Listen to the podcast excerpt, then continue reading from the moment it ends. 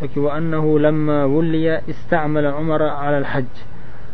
xalifa qilib tayinlanganlaridan keyin umar roziyallohu anhuni hajga amir qilib hojilarni boshqaruvchi qilib yubordilar. Hajja abu bakr min qobil bu birinchi yildagi hajda umarni jo'natgan ekanlar. O'zlari madinada amirlikni xalifalikni boshqarish uchun qolganlar. Keyingi yilda umarni o'zlarini o'rniga tashlab o'zlari hajga ketganlar. hajga haj hojilarni boshqarib hojilarni xizmatida bo'lib.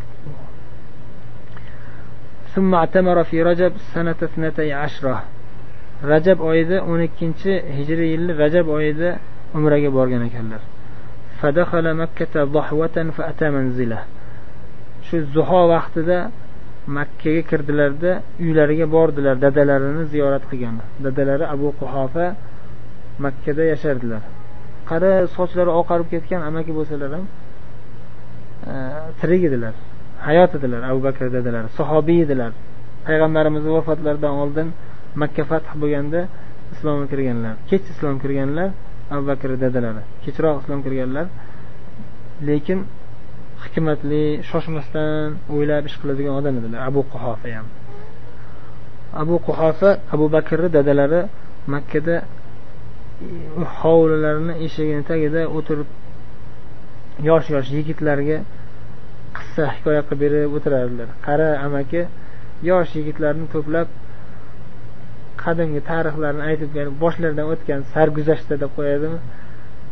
Ajoyib qissalarni gapirib ehtimol shu abu bakr roziyallohu anhu islomga kirgan makka davrida qancha qiyinchiliklar bo'lgan dadalar islom kirmasdan keyin abu bakr shu boy bo'lganlar shu pullarini olloh yo'lida sarflayverardilar. Qullarni ozod qilib musulmon qullarni ozod qilib bilol roziyallohu anhudan boshqa bir qancha qullarni ham ozod qilib yuborganlar o'sha makka davrida. Shunda dadalari aytardilar abu bakrga. Abu quhofa o'g'illari abu bakrga aytardilar ey o'g'lim hechchaligi obro'si yo'q. Kuchsiz kuchsiz qullarni sotib olasan. Baquvvatroq kuch quvvatga ega bo'lgan qullarni sotib olib o'zingni himoyangga ishlatmaysanmi deb nasihat qilardilar. Shunda aytadilarki otajon siz bilmaysiz deb bular qanchalik kuchliligini siz bilmaysiz. Bular iymoni kuchli u jismi badani kuchli nima kerak bor manga degan ma'noda rad qilardilar. Xullas shu abu quhafa yosh yosh yigitlarga boshlaridan o'tgan qissalarni qissa qilib berib o'tirardilar o'tirgan ekanlar. Shunda odamlar aytishdiki o'g'lingiz keldilar xalifa keldi xalifa bo'ldi o'g'illari endi. Abu bakr kelganlarida o'g'lingiz keldi o'g'liz. Degan deyishdi. Shunda dadalar o'rnlaridan turib darrov darhol turib o'g'illarini kutib olishga tayyorlandilar. Abu bakr bo'lsa tuyani tepasidan sakrab tushdilarda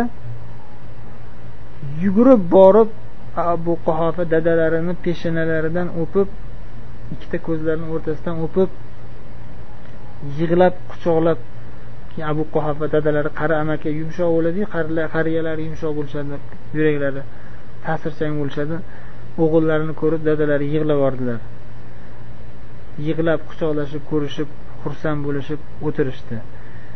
Shunda keyin makkaga abu bakr tarafdan tayinlangan voliy makkani amiri attob attob ibn usayd roziyallohu anhu ham keldilar makkani rahbari. Makkani amiri abu bakr tarafidan tayinlangan amir xalifani oldiga ziyoratga keldilar.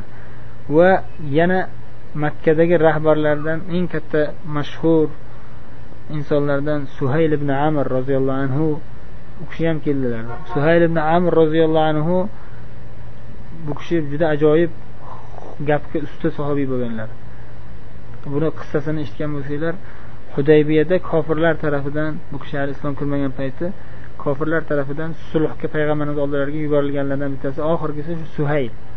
Suhayl kelganlarida payg'ambar aytganlarki suhayl degani yengilgina degani. Yengilgina degan odam keldida endi sulhga. Shu ismdan faal deyiladi faal degani tafaul. Tafaul qilib ya'ni yaxshi ma'no olib ishinglar yengil bo'ladigan bo'ldi deganlar payg'ambar alayhi vasallam hudaybiyada. Suhayl keldi deyishganda demak ishinglar yengil bo'ladi dedilar. U keyin sulh hudaybiya bo'lgan. Keyin makka fath bo'lgandan keyin islom kirganlar bu kishi ham suhayl ham. Keyin payg'ambarimiz vafot qilganlaridan keyin makkadagilar e payg'ambar bo'lsa ham o'larkanmi? deb turib boshqa qabilalarga o'xshab qanday qilib payg'ambar o'ladi? Haqiqiy payg'ambar bo'lsa xudosi tirik saqlamaydimi? degan taraddudga tushib qolgan ba'zi bir iymoni zaiflar.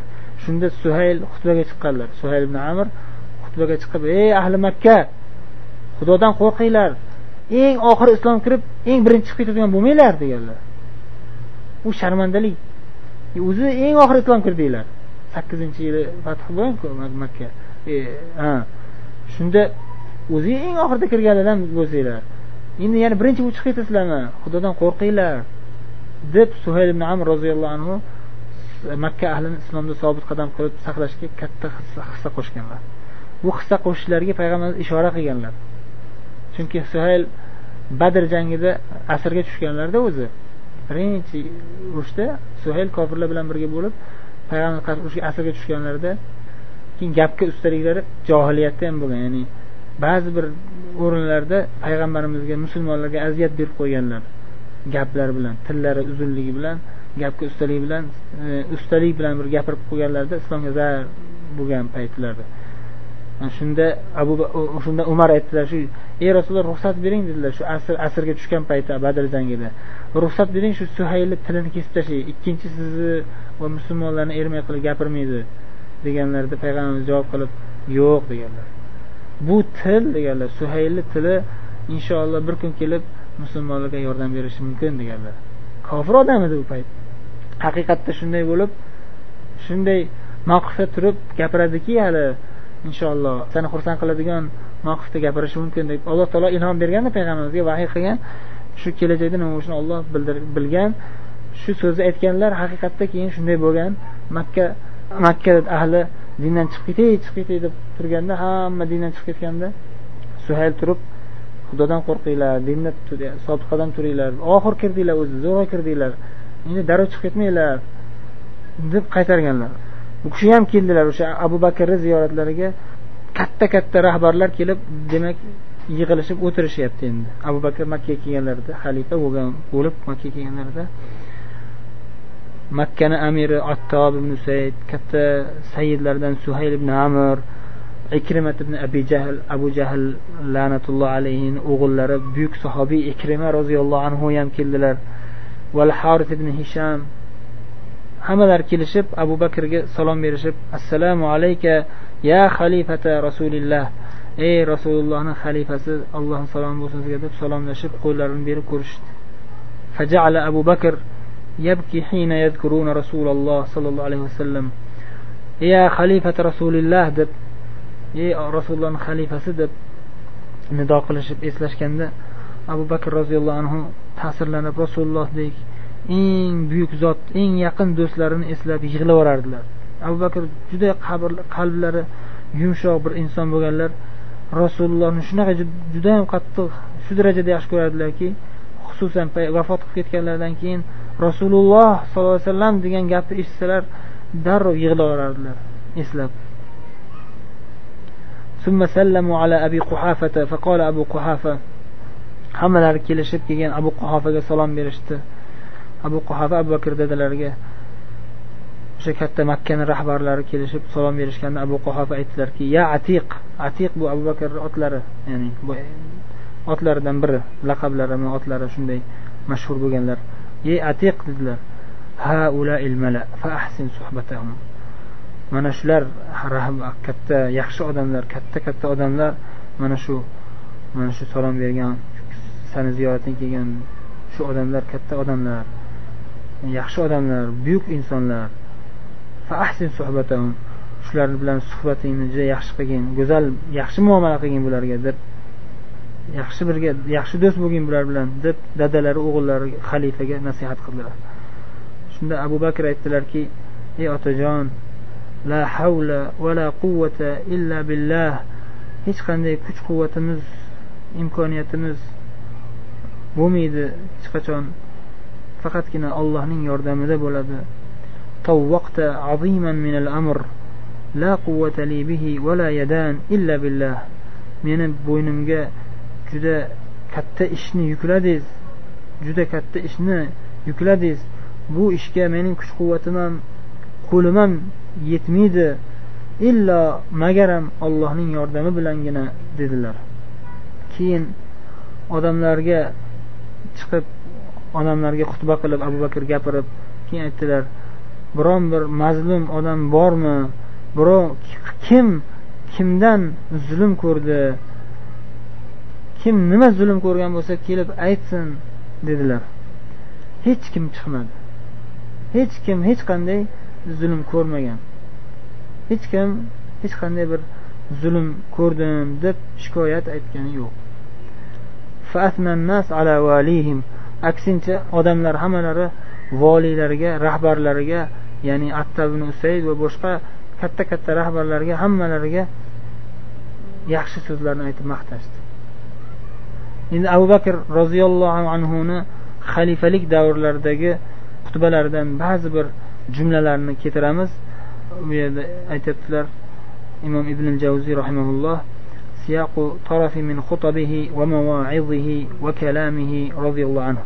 أبو بكر الصديق رضي الله عنه xutbalaridan mavizalaridan hikmatli so'zlaridan ba'zi birlarini keltiramiz deyaptilar عن هشام بن عروة عن أبيه قال لما ولي أبو بكر خطب الناس فحمد الله وأثنى عليه بما هو أهله ثم قال أما بعد أيها الناس قد وليت أمركم ولست بخيركم. ولكن قد نزل القرآن وسن النبي صلى الله عليه وسلم السنن. صلى الله عليه وسلم السنن فعلمنا. اعلموا أن أكيس الكيس التقوى وأن أحمق الحمق الفجور. إن أقواكم عندي الضعيف حتى آخذ له بحقه. وإن أضعفكم عندي القوي حتى آخذ منه الحق. أيها الناس إنما أنا متبع ولست بمبتدع. فإن أحسنت فأعينوني وإن زغت فقوموني. Ey odamlar dedilar xutbaga chiqib allohga hamd sanolar aytganlaridan keyin. Ey odamlar men sizlarni ishingizni meni zimmamga yuklab qo'yildi. Sizlarni ishingiz sizlarni mas'uliyatingiz mening zimmamga yuklab qo'yildi. Vaholanki men sizlarni ichingizda yaxshilaringiz yaxshi yaxshi eng yaxshi odamingiz emasman. Sizlarni ichingizdagi yaxshi odam men emasman deb kamtarlik qilyaptilar. Lekin dedilar qad nazalal qur'on qur'on nozil darhaqiqat qur'on nozil bo'ldi. Va nabiy sollallohu alayhi vasallam sunnatlarni e, bajarib ketdilar sunnatlarni bayon qilib berib ketdilar. Faallamana bizga ta'lim berdilar sunnatlarni o'rgatib ketdilar. Ey odamlar bilinglarki eng eng kuchli zakovatli bo'lish bu taqvodadir. Taqvoli bo'lish eng katta zakovat eng katta aql eng katta hikmat taqvodek bo'lish dedilar. Eng katta ahmoqlik fojirlikda dedilar. Fosiq fojir bo'lgan odam eng ahmoq odam dedilar. Inna sizlarni ichingizdagi eng kuchli odam mening nazdimda zaif odam. Zaif odamni haqqini himoya qilib uning haqqini o'ziga olib berib topshirguncha u odam eng kuchli odam deb bilaman dedilar. Ya'ni zaif mazlum odamni men himoya qilib o'sha odamni haqqini olib berishga harakat qilaman dedilar. Ichilaridagi eng baquvvatli quvvat kuch quvvatga ega bo'lgan odam mening huzurimda eng zaif odam deb bilaman. To men undan haqiqatni olgunimcha agar birovga zulm qilsa birovni haqqini yoki islom haqqiga taalluqli bo'lgan haqni bermasa men undan haqiqat o'sha haqni olgunimcha islom haq huquqini musulmonlar haq huquqini olgunimcha u odam eng zaif odam bo'ladi dedilar. Ey odamlar men ergashuvchiman. Men ergashuvchiman. Ya'ni rasululloh sollallohu alayhi vasallam orqalaridan ergashib yuraman. Men yangicha bidat chiqaradigan mubtadi bo'lmayman dedilar. Mubtadi emasman. Men faqat ergashaman dedilar. Ergashuvchi odam bo'lgandan keyin agar yaxshi ergashsam ergashishlikda muttabi bo'lishlikda yaxshi amallar qila olsam menga shu yo'lda yordam beringlar. Yaxshi amallarni bajarishda menga yordamchi bo'linglar. Agar adashib ketadigan bo'lsam qavvimuni to'g'irlab qo'yinglar meni. Men xato qilsam to'g'irlab qo'yinglar deb odamlardan yordam haqiqat ustida hamkorlikni yordam berib nasihat qilishni iltimos qildilar yana anil hasan al basriy roziyallohu anhu rahimahulloh hasan basriydan yana rivoyat qilinadi aytdilarki abu bakr roziyallohu anhu xutba qilib ya'ni bayat berilganlaridan keyin xalifa bo'lganlaridan keyin bayat berilganlaridan keyin deyaptilar xutbaga chiqib shunday xutba qildilarki qasam ollohga u kishidan keyin hech kim u darajada xutba qilolmadi u kishidan oldin rasululloh sollallohu alayhi vasallam xutba qilganlar shak shubhasiz ollohni vahiy bilan. Lekin rasululloh sollallohu alayhi vasallamdan keyingi darajada eng go'zal eng chiroyli eng zo'r xutba qilgan eng haq xutba qilgan kishi abu bakr edilar u kishidan keyin hech kim u darajada xutba qilolmadi deyaptilar shu xutbalarida dedilar aytdilar allohga hamdu sanolar aytib aytdilarki amma ba'd men mana bu xalifalik vazifasiga mm, shu menga topshirildi shunga mas'uliyat meni zimmamga yuklandi vaholanki men buni xohlamasdan men buni yomon ko'rardim. Men xalifa bo'lishlikni yomon ko'rardim. Xohlamasdim. Vallohi lavadittu anna ba'dakum kafani. Allohga qasamki ichlaringizdan ba'zilaringiz shu meni o'rnimga shu mas'uliyatni ko'tarsa shuni umid qilardim. Mendan ko'ra boshqa odam sizlarni ichingizdan bir yaxshiroq odam turib shu mas'uliyatni olsa men shuni umid qilardim dedilar. Ala va innakum in kallaftumuni an a'mala fikum misla amali rasululloh sollallohu alayhi vasallam lam aqum bih. Ogoh bo'linglarki sizlar agar meni bo'ynimga ey abu bakr san rasululloh amal qilganday amal qilgin deb shunday rasulullohdek amal qilishlikni yuklaydigan bo'lsanglar men buni bajara olmayman men rasulullohdek bajara olmayman baribir. Kana rasululloh sollallohu alayhi vasallam abdan bil bih. Rasululloh sallallohu alayhi vasallam shunday bir banda edilarki olloh u kishini vahiy bilan ikrom etib u kishini xatodan vahiy bilan salomat saqlar edi.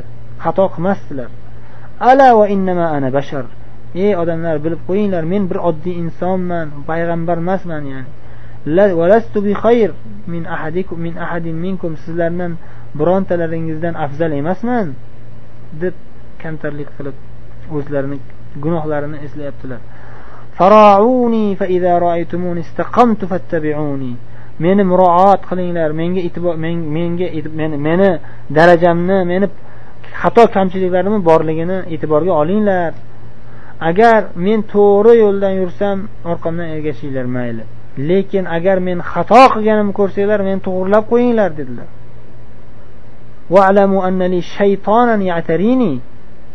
Bilib qo'yinglarki meni orqamdan ustimga chiqishga harakat qilib turgan shayton borligini bilinglar. Shayton bor. Hamma insonda shayton bor. Hamma insonni adashtirish uchun kamida bitta shayton doim harakat qilib turadi. O'shani esinglardan chiqarmanglar. Mani ham bitta shaytonim bor. U ham hali kofir. Hech kimni shaytoni islom kirmagan faqat payg'ambar sallallohu alayhi vasallam aytdilar meni shaytonim alloh taolo hidoyat qilib shayton emas jin ya'ni. Menga yukl mani doim mani yo'limda yurishga yuklab e, shu yonimga yopishib olgan jinni alloh taolo hidoyat qilib islomga kirdi. Faqatgina yaxshilikka buyuradigan bo'lib qoldi deganlar payg'ambarimiz sallallohu alayhi vasallam o'zlarini yonlarida yuradigan jinni. Lekin bu yerdagi kofir jinlarni shayton deyiladi. Qolganlar hammasi kofir shuning uchun shayton deyaptilar. Umuman shu darajada o'zlarini tarbiyalaganlarki shu darajada iymonlari kuchayganki e, faqat haqiqat uchun jahl qilardilar. Haqiqat uchun g'azab qilardilar. Ya'ni haligi aytilganday al hubbu fillah val bug'du fillah olloh uchun yaxshi ko'rish olloh uchun yomon ko'rish ya'ni va olloh uchun g'azablar kelardi. Xuddi rasululloh sollallohu alayhi vasallamga yaqin eng yaqin kishi shu kishi edilar. Ya'ni rasululloh sollallohu alayhi vasallam aytiladiku biror marta o'zlari uchun jahllari chiqmasdi faqat ollohni e, harom qilgan ishi bajarilganini ko'rsalar shu darajada g'azablari chiqib qizarib ketardilarki ollohni haqqini himoya qilish uchun jahllari chiqardi g'azablar keladi jahl degani bizda g'azab ma'nosida g'azablar keladi وعن يحيى أن أبا بكر الصديق رضي الله عنه كان يقول في خطبته أين الوضاء الحسنة وجوههم المعجبون بشأنهم أين الملوك الذين بنوا المدائن وحصنوها بالحيطان؟ أين الذين كانوا يعطون الغلبة في مواطن الحرب قد تضعضع بهم الدهر فأصبحوا في ظلمات القبور؟ الوحى الوحى النجا النجا. xutbalarida ekanlar abu bakr roziyallohu anhu qani yuzlari juda ham yorqin yuzli odamlar qani qayerga ketishdi? O'zlarini juda go'zalliklari bilan o'zlarini ishlari juda o'ng kelib doim ishlari g'alaba bilan bo'layotganini ko'rib mujab o'zlari bilan xursand bo'lib burunlarini ko'tarib yurgan o'zlaridan o'zlari xursand bo'lib yurgan go'zal go'zal odamlar qani? Qayerga ketishdi? Yo'q bo'lib ketishdiku. Qani podshohlar qasrlarni qurgan baland baland devorlar bilan o'zlarini himoya qilishgan podshohlar qayerga ketishdi? O'lib ketishdiku hammasi. Urush maydonlarida doim g'olib bo'lib chiqadigan odamlar ham qayoqqa yo'qolib ketishdi? Hammalari yo'q bo'lib ketishdiku zamon ularni hammalarini pastga urib tashlab yo'q qilib yubordiku yer tagiga kirib ketishdiku qabrlarning zulmatlarida bo'lib qolishdiyu al vaha al vaha an naja an naja musibatlardan qochinglar ya'ni fitnalardan qochib alloh taolo tomonga iltijo qilishga chaqirish bu an naja an naja najotga shoshilinglar najotga shoshilinglar ya'ni allohga iltijo qilinglar oyatda alloh taolo aytgandek fafirru ilalloh allohga qochinglar deganday shunday xutba qilar ekanlar ozgina qoldi shuni tugatib qo'yaylik وعن عبد الله بن عكيم قال خطبنا أبو بكر فقال أما بعد فإني أوصيكم بتقوى الله وأن تثنوا عليه بما هو أهله وأن تخلطوا الرغبة بالرهبة وتجمعوا الإلحاف بالمسألة. allohga hamd sanolar aytib turib yana bir xutbalarida abu bakr aytdilar ammo bad men sizlarga ollohdan taqvo qilishlikni vasiyat qilaman. Allohdan qo'rqinglar. Alloh taologa doimo hamdu sanolar aytib alloh taolo nimaga haqli bo'lsa o'shanday maqtovlar bilan maqtashinglarni nasihat qilaman vasiyat qilaman. Va sizlarga yana vasiyat qilamanki doim alloh taologa qiziqish bilan birga ollohdan qo'rqish ham aralashib tursin dedilar.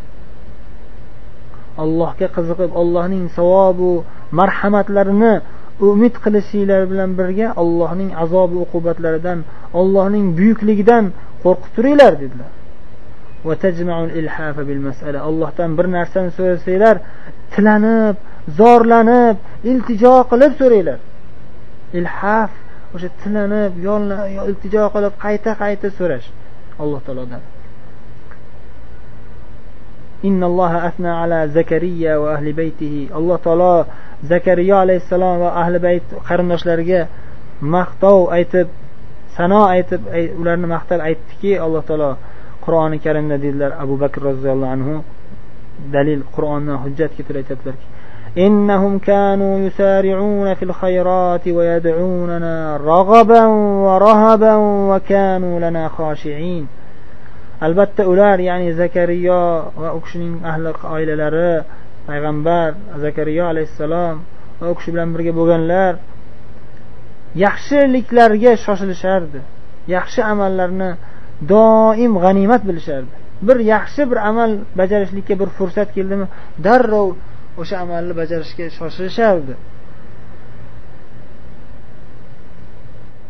Va doimo bizga duo qilardi qilishardi. Alloh taolo aytyapti. Ular bizga duo qilib ibodat qilishardi. Qanday ibodat qilishardi?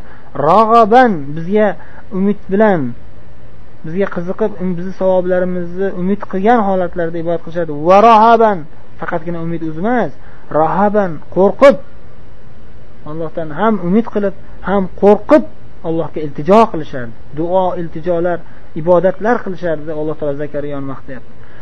Alayhissalomni zakariya alayhissalom u kishi bilan birga bo'lganlar. Va kanu lana xoshiin va doim ular bizdan bizga xoshiin xoshi bizga doim e, bo'yinsinib xushu bilan doim allohni yod olgan holatlarda bo'lishardi. Deb o'sha zakariyo ahli baytni maqtadi deb abu bakr aytyaptilar. Demak biz ham o'shalarni orqalaridan yurib o'shalarga o'xshashga harakat qilishimiz kerakligi uchun alloh taolo bizga shuni shu oyatlarni nozil qildi dedilar. I'lamu an ibadalloh. Ey allohning bandalari bilinglarki annalloh qad irtahana bihaqqihi anfusakum.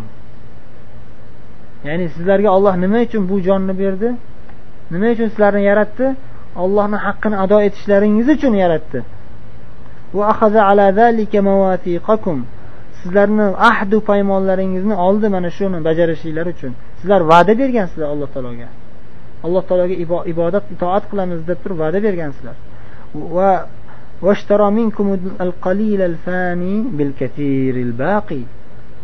sizlarga shunday bir e, tijoratni qo'ydiki sizlardan ozgina foniy narsani so'radi. Shuni tashlanglar men uchun dunyoni berib yuboringlar bil kasiril baqi. Doimiy boqiy bo'ladigan jannatni beraman sizlarga deb sizlardan ozgina narsani oldi dunyoni manga topshirib qo'yinglar ollohni yo'liga topshirib qo'yinglar dunyoni bu dunyoga berilib ketmanglar deb turib ozginagina narsa o'zi bu dunyo. Oltmish yil yashaysiz yetmish yil yashaysiz topsangiz ozgina pul topasiz ja boyib ketsangiz shu dunyoni ozgina bir boyliklarini to'playsiz xolos. U ozginayu foniy ozginayu lekin yana baribir yo'qolib bo'lib ketadi. Bil kasiril boqiy agar shuni olloh uchun topshirsanglar ozgina bo'lsa ham shu ozginani olloh uchun berib yuborsanglar sizlarga alloh taolo ko'pgina jannatni beradi boqiy abadiy jannatni beradi وهذا كتاب الله وهذا كتاب الله فيكم لا تفنى عجائبه ey odamlar mana sizlarni oldinglarda ollohning kitobi bor ajoyibotlari tugamaydi bu kitobni deyaptilar haqiqatda shunday alloh taoloni kalomini qancha e'tibor berib o'qisangiz shuncha mo'jizalar shuncha chuqur ma'nolarni tushunib yetaverasiz. Maza qilasiz rohat olasiz agar siz qur'oni karimni haqiqatda e'tibor berib ixlos bilan ma'nolariga tadabbur bilan o'qisangiz. La tafna ajaibu ajoyibotlari hech ham tugamaydi bu qur'oni karimning nuri hech qachon o'chmaydi. Hech qachon o'chmaydi. Doimo qur'oni karimning nuri sochilib turadi butun dunyoga. Fasaddiqu qavla bas mana shu ollohning qavlini kalomini tasdiq qilib ishoninglar. Ollohning kitobiga nasihatlaninglar. Shu kitobi bilan allohning kitobi bilan nasihatlaninglar. Minhu qiyomat uchun shu qur'oni karimdan nur olinglar. Qiyomatda kerak bo'ladi. Nur hamma zulmatda bo'lganda shu qur'oni karim bilan nurlanganlar nurda bo'ladi. Sizlarni faqatgina o'ziga ibodat qilish uchungina yaratdi alloh taolo. Sizlarga buyuk yozuvchi farishtalarni vakil qilib ustinglardan vakil qilib kuzatuvchi qilib yubordi. Ma tafalun. Qilayotgan ishinglarni bilib turishadi malaikalar kuzatib yozib turishadi. Ibadalloh. Ey allohning bandalari bilinglarki annakum tag'duna va taruhuna fi ajal.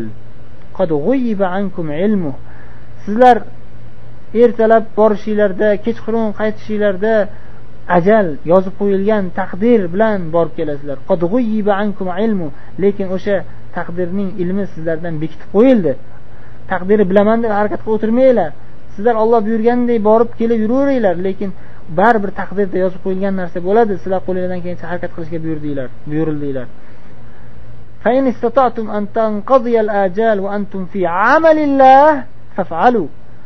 Bas shunday ekan taqdirda hamma narsa yozib qo'yilgan ekan borishinglar ham qaytishinglar ham taqdir bilan ekan sizlar o'shani bilmas ekansizlar.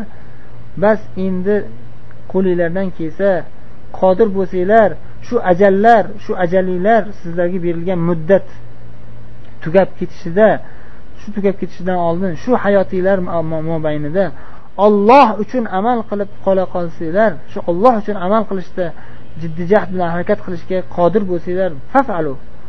Shunga harakat qilib qolinglar. Lekin yana bilinglarki shu amal olloh shu amal qilish uchun ham ollohning yordami bilangina bajara olasizlar xolos allohga allohning yordami bilan allohga iltijo qilish bilan doim allohdan madad so'rash bilangina bajara olasizlar xolos. Boshqa ishlarda boshqa allohning yordamidan e, ollohni allohni yordam allohga iltijo qilmasdan harakat qilayotganlarni ishi birontasi barakali bo'lmaydi zohiridan. Yaxshi ko'rinsa ham degan ma'noda aytyapti. Fasabiqu fi muhali ajalikum qabla an tanqadi ajalukum. Sizlarni mana shu sizga sizlarga berilgan muddat tugab qolishidan oldin ajalinglar kelib qolishidan oldin musobaqa u harakat qilib musobaqa qilinglar. Tezroq kim ko'p yaxshi amal qilib qolishga kim ko'p ixlos bilan iltijo bilan alloh taologa yolvorish bilan tezroq amal qilib qolishga harakat qilib qolinglar debdilar ila a'malikum. Ya'ni e, sizlar shunday qilib qolmasanglar agar sizlarga yomon amallaringizga qaytib borasizlar. Baribir sizlar ya'ni alloh taolo e, bu taqdir boshinglarga bitilgan narsa bilan baribir agar yaxshi amal qilmasanglar yomon amallarga borib qolasizlar. Yani yo odam yaxshi amal qiladi yo yomon amal qiladi. O'rta yo'l yo'q ya'ni yo yo'li yo shuning uchun alloh taolo qur'oni karimda nima degan? Xohlaganlar taqaddum olg'a qadam tashlash uchun xohlaganlar orqaga qaytish uchun dedi. O'rtada turish yo'q. Xuddi tepalikka chiqib ketayotganday tepalikka chiqib tirmashib harakat qilsangiz chiqasiz bo'lmasa pastga tushib ketib qolasiz.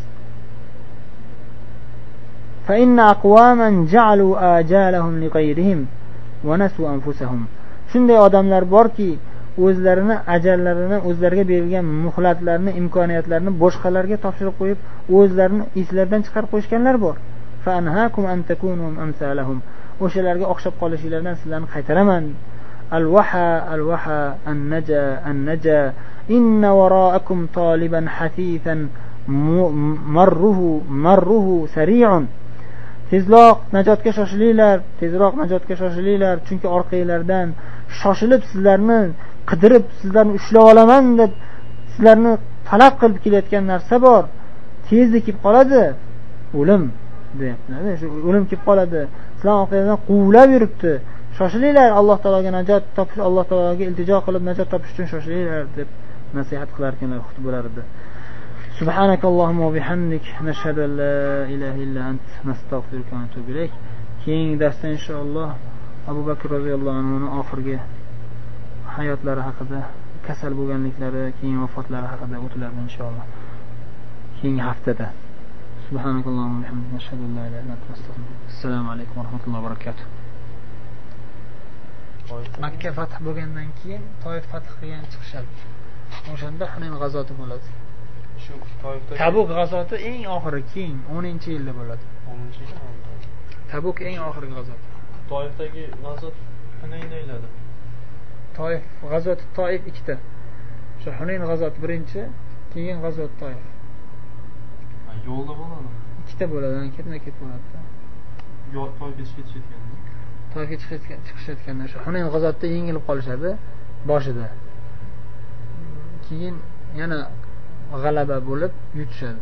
Keyin yana toifga qochib ketgandan keyin haligi qochganlar sizlarga hunaynda yordam berilganda deydi. Ha alloh taolo o'sha qur'onda ajabatkum kasratukum deydi. Ko'pchilik biz o'n mingmiz bu toif ahli kam yutamiz baribir deyishganda xursand bo'lib qolishgan ko'pchilikdan shuncha ko'pchilik bilan yutmaysizlar. Olloh madad bersa yutasizlar deb alloh taolo tanbeh bergan